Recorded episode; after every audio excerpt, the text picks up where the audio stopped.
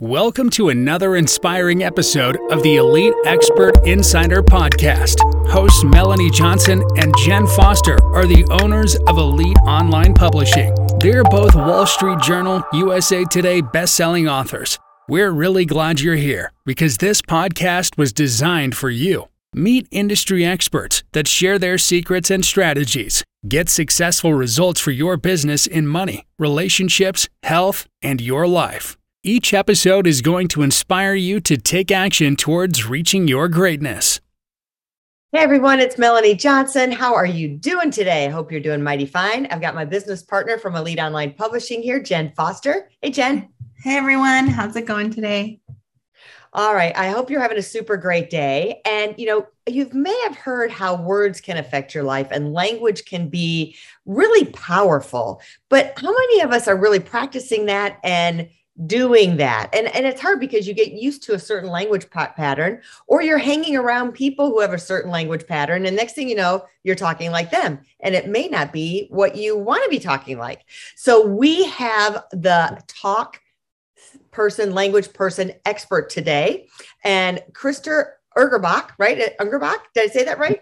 Ungerböck, yeah. All right. He is with us. He wrote a Wall Street Journal best-selling book called 22 Talk Shifts: Tools to Transform Leadership in Partnership in Business and in Life. So that means your personal life. Would you like to say better words that you can have a better relationship with your kids, your spouse, your partner, your business partner, your employees, um, your boss? I would. So get your notepad out, maybe record this on the side so you can come back and listen to it over and over again. Thanks for coming today. Thank you. It's good to be here. Well, tell us, Krister, how you got into the communication words world and how you came about to get this book out. Uh, well, so I was previously CEO of a software, a global software company, and uh, I left that, uh, you know, on uh, in kind of a a bit of a life crisis. Let's say I, I walked out on my the job that I uh, the company that I helped build and loved, and then two weeks later, my wife walked out on me. So I had uh-huh. I just had no one, and I realized that uh, I looked in the mirror and I realized that I had become a leader with no followers. I would I'd read all these books about leadership and communication, so I went on a journey, uh, pretty much looking at all the things that I hadn't looked at before. My intention was really to write a book. I had no idea what it would actually become uh, or what kind of book it would be. But uh, we, you know, like I kind of, I mean, ultimately, I took the probably the complete opposite approach of most authors. Um, you know, we've probably invested somewhere between a million and a million and a half in this book from like editing and uh, rewriting and writing and rewriting. Uh, so I've made a lot of very expensive mistakes, uh, a lot of good mistakes, but we're also, you know, most of, you know, we're actually you know printing distributing. We've almost like created like almost like a vertically integrated publishing house. Uh, like yeah everything is really done. Uh, i have a number of partners with editors and companies like yourself who i, I work with. Um, but um, and then almost rather than doing like a big pr campaign and you know what most books um, 95% of the sales uh, are driven by facebook ads and social media ads. So it's interesting that you know most many authors or speakers or things like that, people like that would say, well, uh, yeah, God, I, I don't want to spend more than $15,000 on my book. But I kind of looked at it like, uh, you know, I, I ran a software company. So like, what would you pay for, what would you invest if you were a shareholder and somebody said, I could create a recurring, recurring revenue stream that's just mailbox money that doesn't, you don't have to do anything. Um, and you're just going to get a check uh, for royalties every month and uh, if you know if you could create something that's going to create a half million dollars or a million dollars in just uh, or even a hundred thousand, what would you pay to have that ongoing royalty stream? And so when I looked at like, okay, I would, you know, you take speaking and all the coaching and other things that typically come along with having a best-selling book. So that that's a that's a revenue stream that I would pay and I've invested pretty significantly in. And that's how I got to the point of saying, okay, we're we've invested you know said between one and 1.5 million dollars in this book because we're really trying to create a book franchise that can be you know, kind of like a chicken soup for the soul something like that. Um, and if you're going to try to do that I, I, during covid i said friends would always say how's the book going? And the book wasn't published yet uh, until like kind of the middle of the covid quarantine season. And i said well um, i'm going to go big or go home and right now i'm we're all at home, so like I don't even need to go anywhere to go home. So uh, that's that was kind of our thing. And is it uh, we hit number one on the Wall Street Journal bestseller charts last year, just a, just above Oprah's new book that book that week. And uh, so thus far, it seems like we uh, kind of are on a path to to make that investment worthwhile. And I will say one last thing is we give 100% of our profits uh, to away uh, to kind of our cause, and I don't take any compensation for this. So um, in that regard, uh, you know, when I talk about making profits, are really about uh, earning profits in order to give them away to have an impact on the world. Well, you are speaking our language. I mean, um, we're we want to talk about words, but I love what you're saying about publishing a book and how that spearheaded something. And we get asked that question all the time. Well, what's my ROI on the book? Like how much how much royalties, how much money in royalties I'm gonna am I gonna get? But you got the picture right away. It's not just the book royalties. It's the speaking. It's the credibility. It's all the door opening that it that it brings and different platforms. And we've had an author that left his career wrote the book to transition his career into speaking. And I just had a call with him, Josh Evans, this week, and um, he's now doing $15,000 a speech. So, yeah. all because of his book. So it all stands there. So it is a great cornerstone of your brand. Let's dive into the book a little bit. Um, you and I were kind of having a green room conversation about how younger people today, they just talk like they're in a gang almost when they're doing business. It's not so much yes or no, sir. Maybe if they're in a big like corporation, you know, they feel like it's more formal. But these guys that are working from home and slapshotting, I'm just like, Lord have mercy. And one of the things I think they struggle with too is the criticism you know how do you tell someone they're not doing a good job or corner them and then the other person gets backed up? And i think you talk about that in your book a little bit. Yeah i mean i think you were talking about how like kind of you know millennials like talk to each other like it's a locker room. And yeah. admittedly if like ultimately if if there's not any like uh, fear or controlling or criticism things that destroy relationships like yeah, I, I, don't think that there's necessarily anything wrong with it. I'm like an I'm not an HR person. Like if every company or group has their culture, um, but ultimately the book is about. Uh, it, it is written more for kind of a traditional corporate environment where you wouldn't necessarily speak that way, but uh, it's really about the the communication patterns that erode and destroy relationships, either at work or at home. And a lot of people, you know, my intention with the book was really to write a book um, that could help people improve their communication and ultimately their relationships, both where the same language stems work if you're in a business context or if you're leading a family. And a lot of people, including myself, are like, oh, those things are two totally different uh, things. But the dynamics between leading a family or leading in the context of a relationship or marriage and leading a team uh, at its core are actually quite similar. And ultimately, what I found is that great relationships are about, you know, that what destroys those relationships is uh, control and fear. If you think in a professional context, like if I'm a boss and I'm controlling people simply by saying, do this and do it tomorrow by 5 p.m., um, I'm going to have less engaged employees. Um, if I do the same thing with my teenagers, I'm going to have less engaged teenagers. They're going to want to engage with me less. Um, and then secondly, you have fear. Like in, you know, naturally a boss can fire someone. So somebody's like, oh, I can't say that to my boss because like I could get fired. Well, you could have the same thing that um, now with the great resignation, we actually have bosses say, oh, I can't say that to an employee because they might resign. And I, I have no idea where I'm going to, you know, where I'm going to actually, you know, find someone else who can do this job because the job market is so difficult to find employees. But the same thing happens in a, in a, in a relationship. If you have especially a husband and wife and there's a disparity in income, the one of those partners is like, well, I can't say that to my husband or my wife because if they decide to divorce me, how am I going to support myself? And so, and you can also have, um, you know, this kind of emotional power, emotional fear, like, oh, I'm not going to say that to my husband or my wife because they're going to criticize me. They're going to potentially use some, you know, something, you know, that's kind of like one of my own wounds, you know, say something that's just extremely hurtful. And so, what ultimately is this combination of fear and controlling, trying attempting to control people. Um, the, on the control side, if I can create people who are more engaged and committed, then I have less need to control them. On the fear side, what happens is when I have this fear, uh, then people just shut down and they stop talking about the things that frustrate them. And then ultimately, after months or years, then someone quits the job or quits the relationship and leaves. Yeah. You say in your book that words or sorry, actions don't speak, words do. So, how, what do you mean by that? So, the intention with that is uh, well, there's two things. One, the way we make commitments to others, we can make commitments, and when we use certain language, uh, we can actually kind of almost play tricks on ourselves using our own psychology that will actually increase the likelihood that we will take action. So, the words that I use to make commitments, for example, if I say, "Oh yeah, I'll do that," or, or "I'll try to do that," you know, or if I say, "I'll do that," and I'm going to get it done, and I'm going to send you an email by 10 a.m. on Tuesday next week now I've made a commitment that's very concrete. And even if I forget, there's some some subtle things that happens that whenever we make those commitments, like 10 a.m. on Tuesday rolls around, like, oh, what was I supposed to?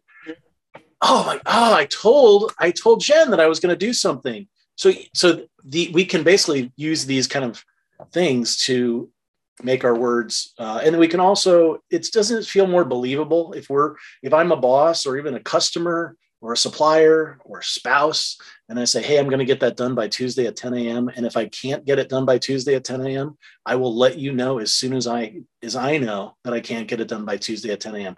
Doesn't that feel more like a commitment? They'd be like, oh wow, yeah, I really feel like mm-hmm. that person's going to do it. I feel like I can trust that. I don't even need to kind of send them an email at 9 a.m. on Tuesday. Wait, where is that?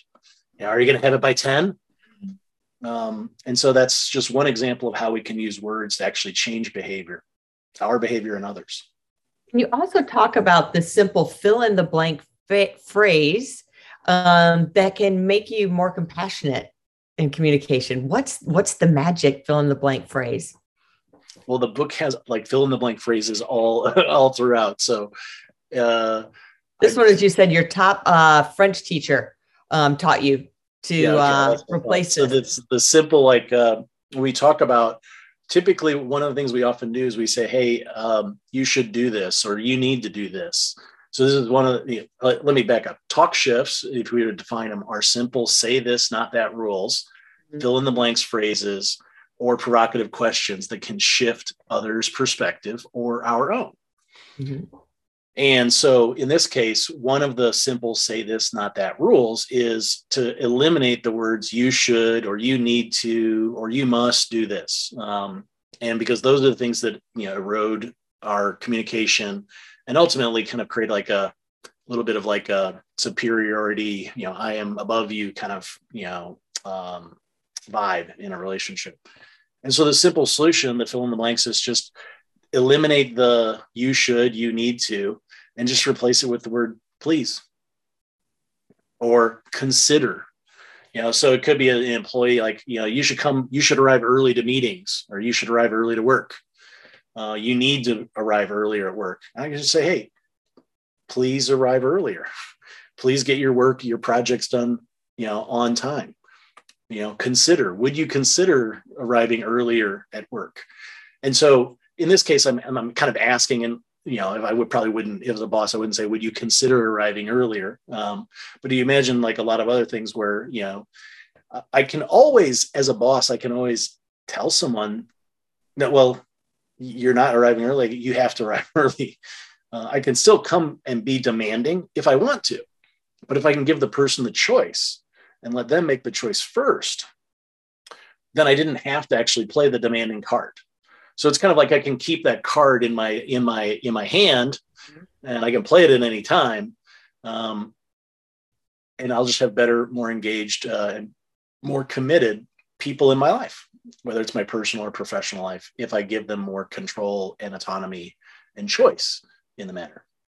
I think that would work, like you said before, in all your relationships, not just at work, like your spouse or your kids, like saying you need to do this or you should do this instead saying please or just saying consider doing this by this time.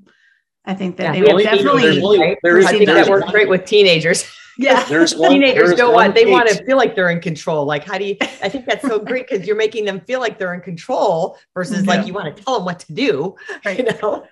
There is one one case, however, where it does not work with teenagers. And that is if you write a book about these tools, and then your teenagers say, Well, yeah, you're using that, that crap from the book on me again. Then it doesn't work. But in other cases, for other people, just don't tell your teenagers that you read it in a book and you'll be fine. yes. it Continues to be a super ninja trick then. Yeah. Oh, So once once you? too many parents start using it, then it'll be like, we're going to have to innovate. So yeah. so you talk about listening for needs, um, not words. So, and how do we respond to the needs? And, give us that strategy. Well, so this is one where we can kind of reframe um, when we see like an annoying behavior in someone else, right? And so, uh, so some of the talk shifts are really questions that we may ask ourselves that shift our perspective. Um, and so, yeah, I, I was, I, w- I was a, I realized uh, after I kind of did all this work to research for the book, I realized how bad of a listener I really was. And about you know two years into this journey, somebody said you need to listen for needs. I'm like I haven't like I'm not even a good. I can't even listen to words yet. Like now I have to listen to needs too. Like yeah, g- good luck with that. And so, but listening for needs. So I, let- let's take an example, a work example. So let's say somebody's like that person who always is talking a lot in meetings. They always have to have the last word. They have to have the best idea, whatever. And um, if we just have like, I wonder what need Bob is filling in himself when he does that. Huh. I wonder if Bob doesn't get enough appreciation. Or maybe Bob is like doesn't feel like his ideas, you know, he feels like he needs to have a lot of idea, you know, he needs to have the idea that everyone does so that he feels valued, um, or he feels in his own mind that he, his work is valuable. Admittedly, as a CEO, that was one of the reasons why I was always giving the ideas because I got like, uh, I felt like that was like, you know, that's how I made I make the big bucks is because I have the idea that we end up doing, you know. And so we can use that in a lot of different cases, you know, whether it's with kids or spouse or employees, just asking, I wonder what's the need behind that behavior. When they say that or do that, I wonder what need they're filling in themselves. And uh, and it can help us to develop a little bit more compassion for um, for what what's really driving people's behavior. I like Yeah. that. I, th- I think you need to take a minute and ask that question more often than not, because I think a lot of times we just, you know, we don't t- pause to to think about those kind of things. I think we think about we our needs. We need to. Yeah, but we need to. say, so this is the other way you can replace we need to, you need to say let's. Let's take a moment. Yes. Now, now in this case, it's, it was a we, so it's it's usually the you need. It's usually you need to is the more kind of, um, but even like self talk, like oh I need to, like oh I need to do this. Like well we we kind of beat ourselves up when we say those things. What are the things that you need to do? I need to go work out. Oh well, how often do you go work out when you say I need to go work out? Me, like pretty much. I'm like I have a very very good track record of not working out when I say in my own mind, you need to go work out. hmm Well, and I think so many times we get in our own head, and I'll use, you know, a, a personal relationships, or it's like, you know, or, you know, as a parent, or even as a, you have an employee, they're not doing what you think they're supposed to do.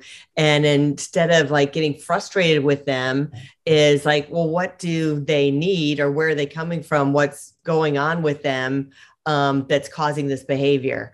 That, Yeah. you know, and, and, you know, it could be like as a parent, your, your child might be feeling insecure or feeling lonely or different things might be going on with somebody and you're attacking them for not like getting out of bed and getting their life together you know but Yeah. there's something else going on in the background Well, and I think that you know we talked about the you need, you should, you know, like when we talk to an employee about things like that. Um, and I used to do this as is frequently. It was a CEO that I used to coach an entrepreneur, and he would had uh, one of his executives would never show up on time for meetings, and uh, he'd say, "You should, you should, you should get here on time."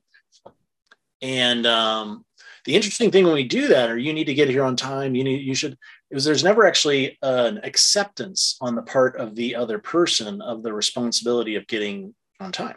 So I could say, you know, rather than, so what happens as leaders, we often say, I've told them so many times and they keep doing it. Well, they never actually agreed that they would do it.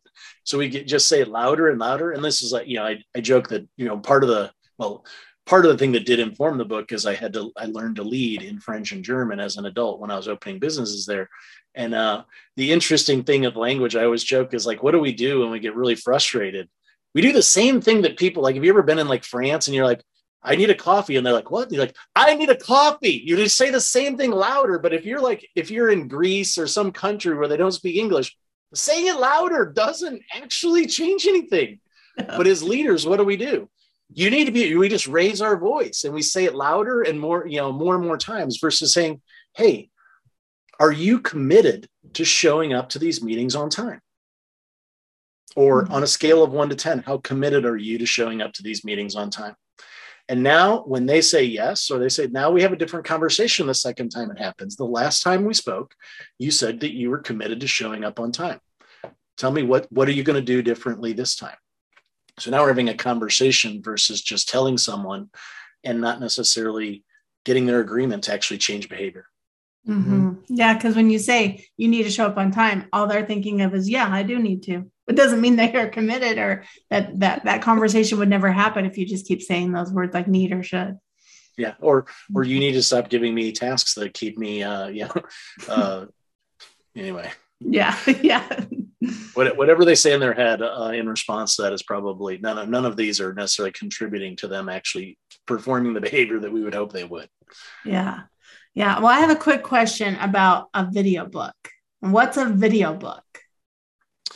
So, so I'm a, I'm a tech CEO. So I was like, we got to do something different. Uh, and so we created a video book, and I think it's especially uh, especially useful because of this kind of book. It's a communication book, right? So you've got all the phrases, and if you're reading these phrases in your head, like you probably read them with a different tone of voice than maybe they were intended, right? And, and some of these some of these tools, some people might not be like, ah, I can't say that but when you hear the context of how I read it, um, you know, in that, you know, in, in in my tone of voice and how these kind of work together, oh well, okay, maybe that could work, right? Now you could get that out of an audiobook, right? Mm-hmm. But so we went this next step is a lot of the things that we do in the book is uh, because of the way it's written and the way it's worded. If you see the video book where I'm looking at the camera, you actually can also start to feel what it's like to be spoken to right? Because you're looking at the TV or your computer screen. We have a mobile app. It's also it's also available on uh, Apple TV and um, Fire TV and all those other things. But you're looking at it and you can actually kind of get a sense because you know like, even like with an audiobook I, I know I audiobooks I kind of like lose my train of thought and but there's really something that's engaging. And then a big part of the book was intended to be used not just in a professional setting but in a family. So because it's a video, you can actually sit down with your spouse or with your teenage children and you can say, hey, let's learn some skills together, kind of like a master class, you know, let's let's watch this one. And I knew going into it from some of the people in my life um, that you know I had to kind of asked to read a book many years, you know, like, hey, if you just read this book, our communication would be better. Um, and they didn't. I actually had a story about a about a year ago and this is the reason why I created the video book. I was at an Airbnb in like some small town in Missouri, and this woman and her husband were kind of running this Airbnb. It was kind of like a five or six unit small uh, retreat center, and they were in their 60s, maybe in their 70s.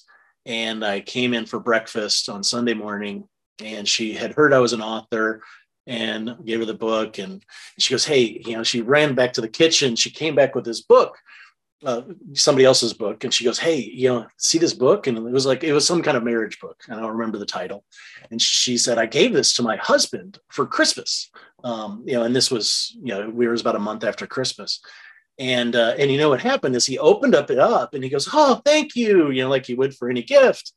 And then he kind of looked at the title. He goes hey wait didn't you give this book to me like five years ago? She goes yeah you didn't read it then either.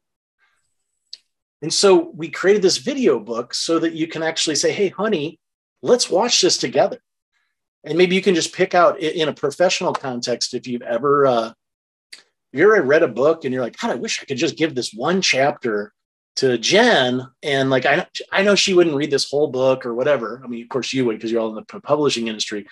So you can actually take any one chapter out of the book if you get the video book and you can share that one chapter with someone say, hey, could we try to do this? You know, so like let's say you want more autonomy at work, you could actually take the chapter about autonomy with specific tools of how to talk about autonomy and micromanagement, and you could share that with your boss. We have we even have a way of doing it anonymously, just in case. Um, and so we really wanted to basically make the book, the video book, a tool that you can use to transform communication with the people in your world.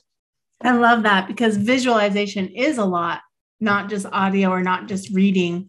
It is a lot of the of the absorbing process of what you're actually um, learning, right? Of what you're actually reading or what you're actually doing. So that's my, great. My next book, my next book we're actually doing video first, and we'll write the actual book afterwards. So yeah, video a- and music and stuff like that all mixed together. Oh, I like that. Now, some people might call that a course, right? Because we tell people your book is your course and your course is your book. But this, I love that you're calling it a video book. It's it's really kind of different than the course. Yeah, I mean, I think it's a subtle difference between a video book and a. It's it's all in the writing. I think it's how you write. Mm-hmm. Like, and, and, admittedly, if the book was not written in the way it was, it wouldn't work as a video book. So there's a, mm-hmm. there's some very subtle nuances of how you write and how you use pronouns and you and them and so that the book so whether you're listening to the audiobook or reading the book i think that one of the things that people found very unique is they feel that the book is speaking to them mm-hmm. and that was uh, there's just subtle differences in the way that you write um, that that does that and, and i think that's what makes the video book even more powerful um, so yeah i love that and it has a special app to do all that we're going to talk more about that so we can learn about it yeah. Well, tell us where people can go to get the uh, video book as well as more information about your book and about you. So you can get the you can get the book at uh, talkshift.com. Um, you know, we get as I said, we give 100% of profits to to give away 100% of profits. Uh, if you prefer to give uh, those profits to Jeff Bezos, you can get it from Amazon.com. Um, and then the video book is an add-on if you get the if you get the hardcover book you can add the video book as a you know kind of it'll ask you would you like to add this uh, after you check out awesome. Amazing. Well i'm just so impressed. I love everything you're doing and uh, love the technology and uh, and love all the concepts we learned today. So thanks for coming. Really appreciate krister. Really appreciate thank it. Thank you for the invitation. Well, we'll see you next time. Remember to subscribe to our podcast. And if you're looking to become a best selling author, Wall Street Journal, USA Today, give us a holler or go to our website and hit the um, submission button and uh, connect with us. We'll see you next time. Bye. Hey, are you looking to increase your revenue, build credibility, and elevate your brand? This podcast is brought to you by Elite Online Publishing, an innovative publishing and full spectrum marketing company. They will publish and market your book to make it a number one bestseller. Becoming an author is the best way to market your business. So contact them at eliteonlinepublishing.com today. All of their authors become number one bestsellers.